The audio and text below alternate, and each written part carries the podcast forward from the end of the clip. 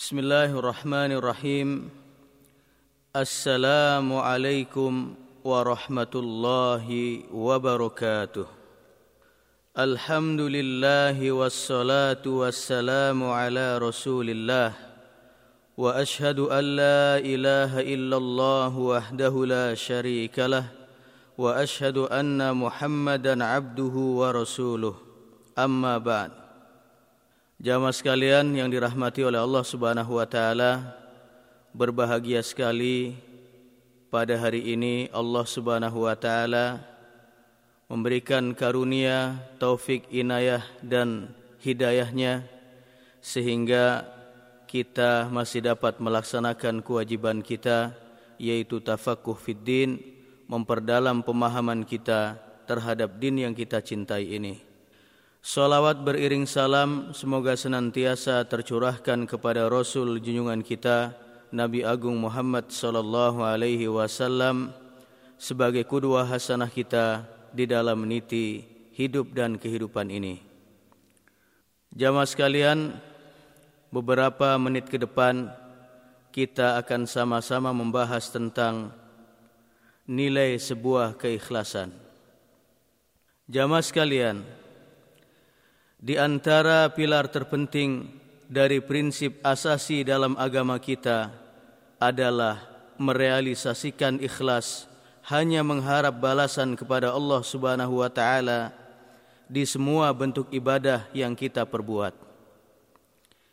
Salah seorang salafus soleh pernah berkata, ikhlas artinya engkau tidak mengharap siapapun menjadi saksi mata atas amal-amal solehmu kecuali Allah subhanahu wa ta'ala. Dan tiada yang engkau harapkan dapat memberi balasan atas amalanmu melainkan Allah semata. Ikhlas merupakan intisari dan hakikat dari agama ini dan merupakan kunci keberhasilan dakwah para nabi dan rasul alaihi wassalam. Artinya tiada beragama bagi orang yang tidak ikhlas dalam mengabdikan diri kepada Allah Subhanahu wa taala.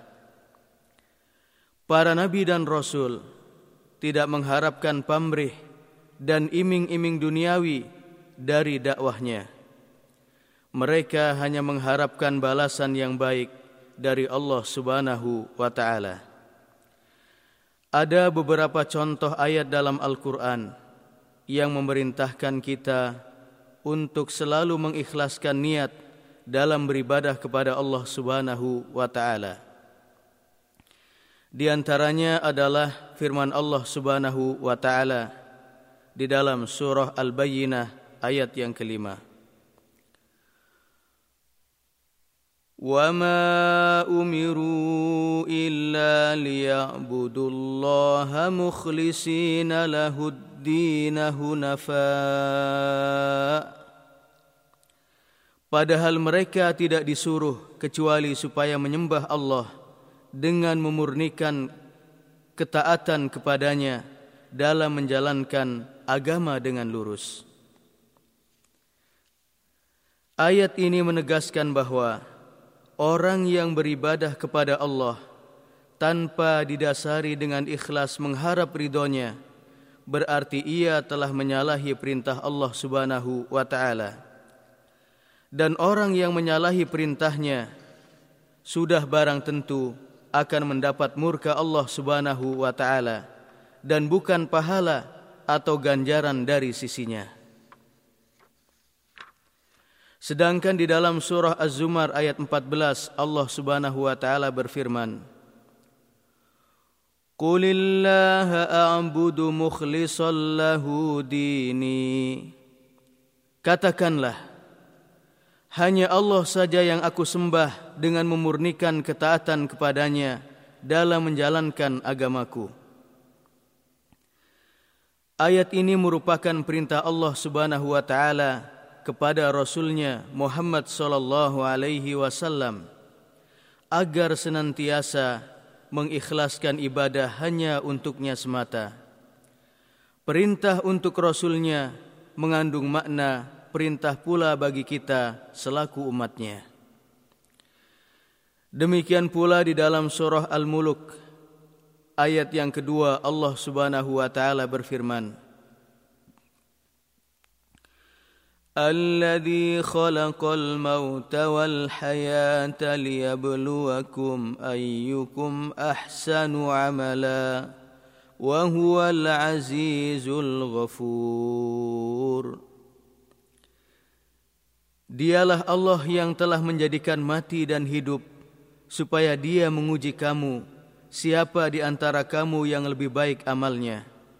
Dan dia maha perkasa lagi maha pengampun.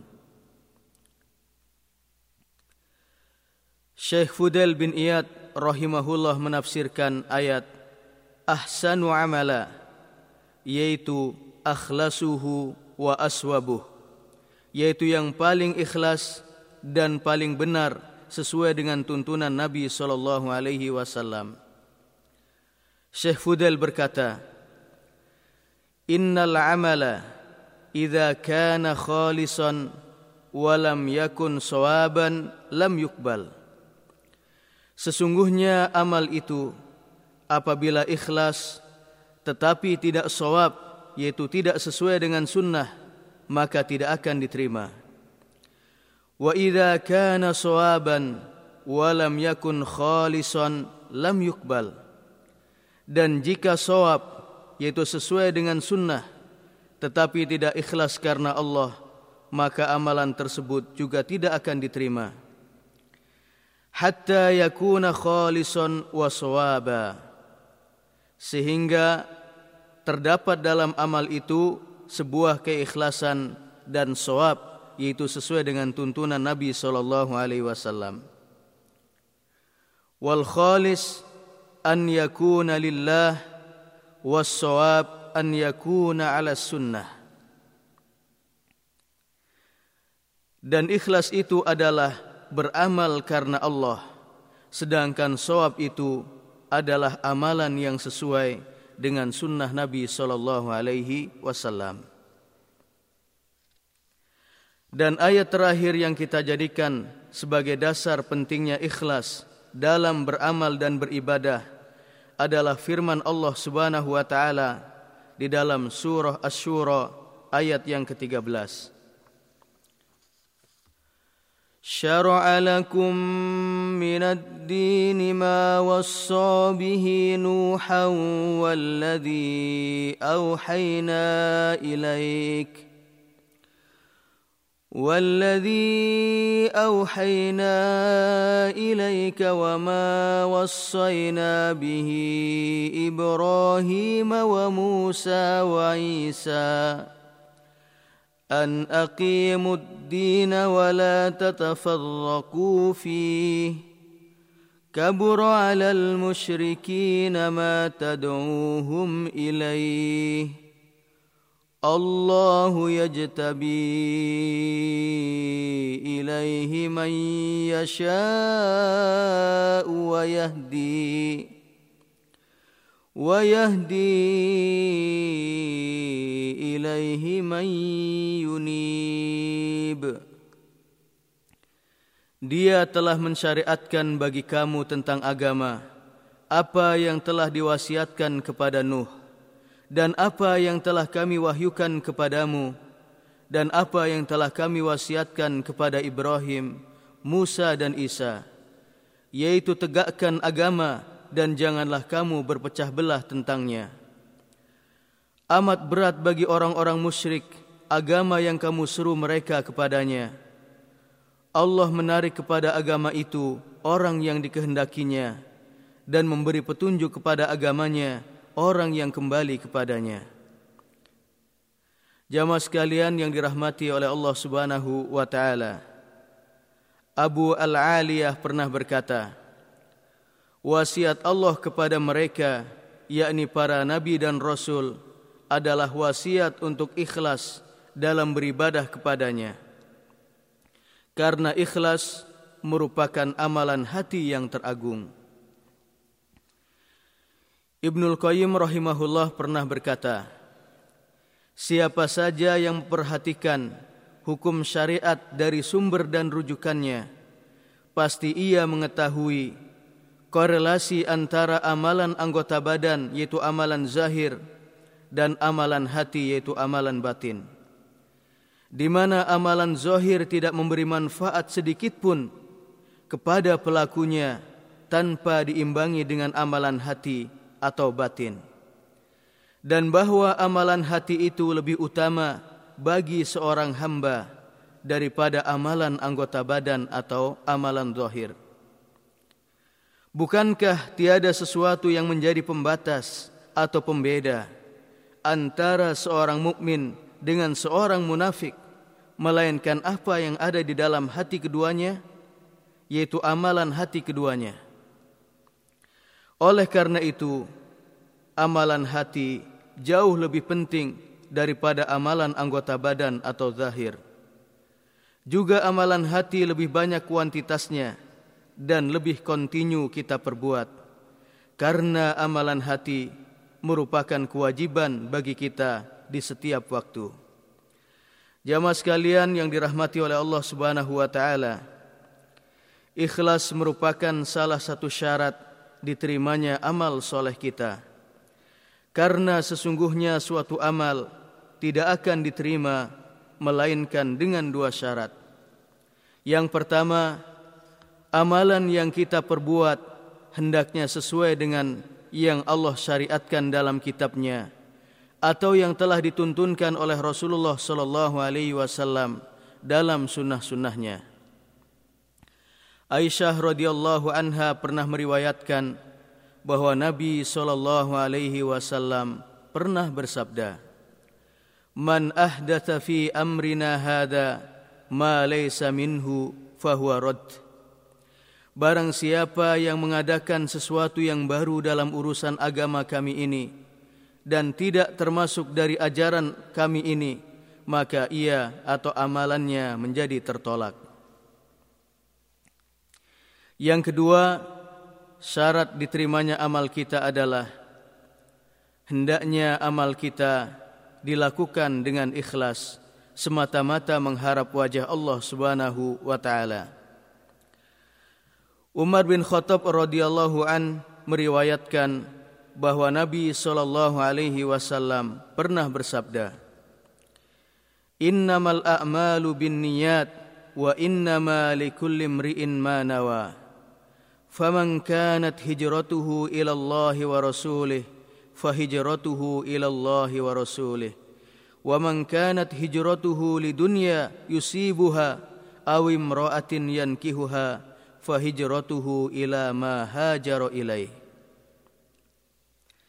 Seluruh perbuatan itu tergantung pada niatnya dan bagi setiap orang mendapatkan apa yang ia niatkan. Barang siapa yang niat hijrahnya kepada Allah dan Rasulnya, maka nilai hijrahnya pada Allah dan Rasulnya. Dan barang siapa yang niat hijrahnya untuk mendapatkan dunia, atau untuk menikahi wanita maka nilai hijrahnya sesuai dengan apa yang ia niatkan muttafaq alaih Jamaah sekalian yang dirahmati oleh Allah Subhanahu wa taala Hijrah merupakan amalan teragung di dalam Islam dan bukankah kaum muhajirin memiliki keistimewaan daripada kaum ansor lantaran mereka melakukan amalan yang tidak dilakukan oleh kaum Ansor yaitu hijrah. Namun demikian, jika hijrah yang diperbuat tidak dilandasi keikhlasan tapi mengharap sebagian dari kenikmatan dunia seperti harta dan wanita yang ingin dinikahi, maka hal itu menjadi sia-sia di sisi Allah Subhanahu wa taala. Hampa tanpa pahala bagaikan fata morgana.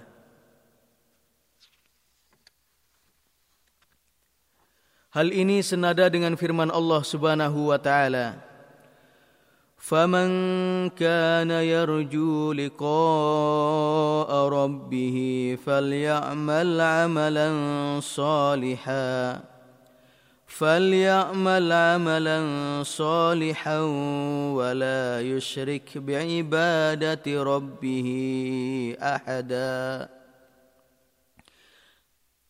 Maka barang siapa mengharap perjumpaan dengan Tuhannya, maka hendaklah ia mengerjakan amal yang soleh dan janganlah ia mempersekutukan seorang pun dalam beribadah kepada Tuhannya. Al-Quran Surah Al-Kahfi ayat 110 Ayat ini menghimpun dua syarat diterimanya amal soleh dan ibadah kita yakni falyamal amalan soliha yang berarti amalan kita sesuai dengan tuntunan Nabi sallallahu alaihi wasallam. Dan yang kedua adalah wala yusyrik bi ibadati rabbih ahada. Yang dimaksudkan adalah ikhlas semata-mata karena Allah Subhanahu wa taala. Jamaah sekalian yang dirahmati Allah Subhanahu wa taala Ikhlas juga merupakan landasan diterimanya doa-doa kita. Artinya, sebuah doa yang kering dari hakikat ikhlas, maka doa tersebut tidak akan didengar dan diijabahi Allah Subhanahu wa taala. Sebagaimana firman Allah Subhanahu wa taala di dalam surah Ghafir ayat 14.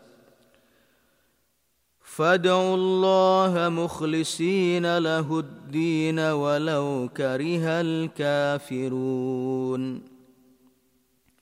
dan berdoalah kepada Allah dengan memurnikan agama kepadanya meskipun orang-orang kafir tidak menyukainya. Hilangnya sebuah keikhlasan dari amal-amal soleh kita menjadi sebab tertolaknya amalan kita. Hal ini berdasarkan hadis yang diriwayatkan oleh Abu Hurairah radhiyallahu an yang terdapat di dalam Sahih Muslim bahwa Nabi sallallahu alaihi wasallam pernah bersabda Sesungguhnya orang yang pertama kali diadili pada hari kiamat adalah seseorang yang mati syahid di jalan Allah. Dia didatangkan kemudian ditampakkan kepadanya nikmat-nikmat yang telah diberikan kepadanya. Maka dia pun mengakuinya. Lalu Allah Subhanahu wa taala bertanya apa yang telah kamu lakukan dengannya? Dia menjawab aku berperang untukmu ya Allah sampai aku mati syahid.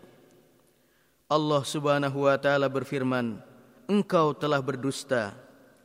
Sebenarnya engkau berperang karena ingin disebut sebagai pemberani dan itu sudah kamu dapatkan di dunia. Kemudian Allah Subhanahu wa taala memerintahkan malaikat untuk menyeretnya tertelungkup di atas wajahnya hingga ia dilemparkan ke dalam neraka. Kemudian seorang yang menuntut ilmu dan mengajarkannya kepada orang lain dan juga ia senantiasa membaca Al-Qur'an. Dia didatangkan kemudian ditunjukkan kepadanya nikmat-nikmat yang sudah didapatkannya dan dia pun mengakuinya. Allah Subhanahu wa taala bertanya, "Apakah yang sudah kamu perbuat dengannya?" Maka dia menjawab, "Aku menuntut ilmu, mengajarkannya kepada orang lain dan membaca Al-Qur'an karenamu ya Allah." Allah berfirman, "Engkau dusta. Sebenarnya engkau menuntut ilmu supaya disebut sebagai seorang yang alim. Kemudian engkau membaca Al-Quran supaya disebut sebagai qari dan hal itu sudah kamu dapatkan di dunia. Kemudian Allah Subhanahu wa taala memerintahkan malaikat untuk menyeretnya tertelungkup di atas wajahnya hingga dilemparkan ke dalam neraka. Kemudian ada seseorang yang telah mendapatkan anugerah kelapangan harta dan keluasan rizki. Dia didatangkan dan ditunjukkan kepadanya nikmat-nikmat yang telah diperolehnya. Maka dia pun mengakuinya. Lalu Allah bertanya, Apakah yang sudah kamu perbuat dengannya? Dia menjawab, Tidaklah aku tinggalkan suatu kesempatan untuk menginfakkan harta di jalanmu kecuali aku telah infakkan hartaku untukmu ya Allah. Allah berfirman, engkau dusta. Sebenarnya engkau melakukan hal itu demi mendapatkan julukan orang yang dermawan dan engkau sudah memperolehnya. Kemudian Allah Subhanahu wa taala memerintahkan malaikat untuk menyeretnya tertelungkup di atas wajahnya hingga ia dilemparkan ke dalam neraka. Jamaah sekalian yang dirahmati oleh Allah Subhanahu wa taala. Kurang apalagi kebaikan orang yang berjihad, mempelajari dan mengajarkan ilmu, membaca Al-Qur'an dan suka berinfak namun kebaikan itu musnah di sisi Allah Subhanahu wa taala manakala orientasi amal tersebut karena mengharap pujian manusia dan bukan pujian dari Allah Subhanahu wa taala. Ketika Muawiyah bin Abu Sufyan radhiyallahu anhuma mendengar hadis Abu Hurairah ini, ia menangis sesungguhkan. Lalu ia pingsan. Dan setelah sadar ia bertutur, Maha benar Allah yang telah berfirman Man kana yuridul hayatad dunya wa zinataha Nuwaffi ilaihim a'malahum fiha wa hum fiha la أولئك الذين ليس لهم في الآخرة إلا النار. وحبط ما صنعوا فيها وباطل ما كانوا يعملون. Barang siapa yang menghendaki kehidupan dunia dan perhiasannya, niscaya kami berikan kepada mereka balasan pekerjaan mereka di dunia dengan sempurna. Dan mereka itu di dunia tidak akan dirugikan.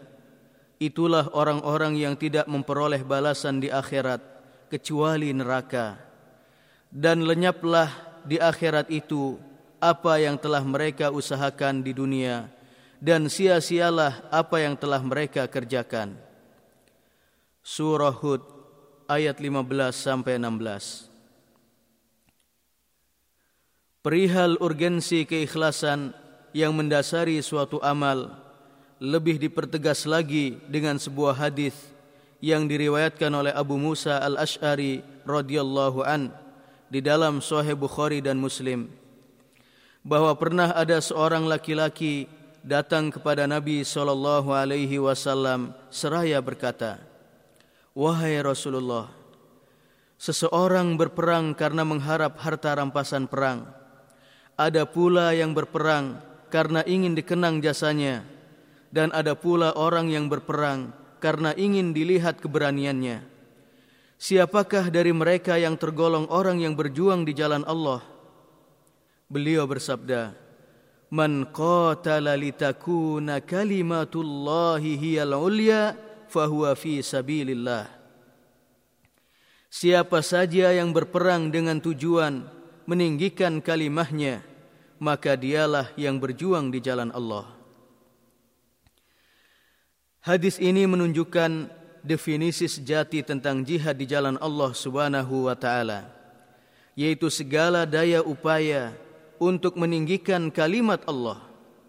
Karena itu, segala aktivitas yang dilabeli jihad namun tidak memiliki orientasi murni untuk menegakkan kalimat Allah Subhanahu wa taala maka tidaklah dinamakan jihad fi sabilillah. Jamaah sekalian yang dirahmati oleh Allah Subhanahu wa taala. Abu Umamah Al-Bahili radhiyallahu an meriwayatkan bahwa pernah ada seorang lelaki datang kepada Nabi sallallahu alaihi wasallam seraya berkata, Ya Rasulullah, bagaimana pendapatmu perihal orang yang berperang dengan tujuan mengharap pahala dari sisi Allah Subhanahu wa taala dan ingin agar namanya disebut sekaligus?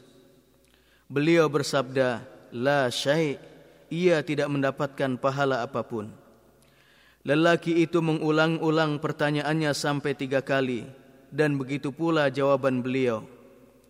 Lalu beliau bersabda, Inna Allah la yakbalu minal amal illa ma kana khalisan wa batuhiya bihi wajhu. Sesungguhnya Allah subhanahu wa ta'ala tidak menerima suatu amalan kecuali dengan ikhlas dan mengharap wajahnya. Hadis riwayat An-Nasa'i. Jamaah sekalian yang dirahmati oleh Allah Subhanahu wa taala, untuk menutup bahasan kita tentang ikhlas ini, alangkah baiknya jika kita sebutkan beberapa perkataan ulama salaf perihal ikhlas ini. Di antaranya adalah perkataan Syekh Fudel bin Iyad rahimahullah di mana ia pernah berkata, tarkul amali li ajli nas riya wal amalu li ajlihim syirk wal ikhlas al khalas min hadain wa fi riwayatin min ikhlas an yu'afiyaka Allah minha. Meninggalkan amal karena takut dilihat oleh manusia adalah riya. Sedangkan beramal karena ingin dilihat oleh mereka adalah syirik. Ikhlas adalah amal yang terbebas dari keduanya, yakni riak dan syirik. Dalam riwayat yang lain disebutkan, ikhlas adalah engkau dijaga Allah Subhanahu wa taala dari keduanya, yakni riak dan syirik. Pernah ditanyakan kepada Sahal At-Tusturi, apakah sesuatu yang paling berat dirasakan oleh jiwa itu? Ia menjawab, ikhlas karena jiwa tidak memberikan ruang untuknya.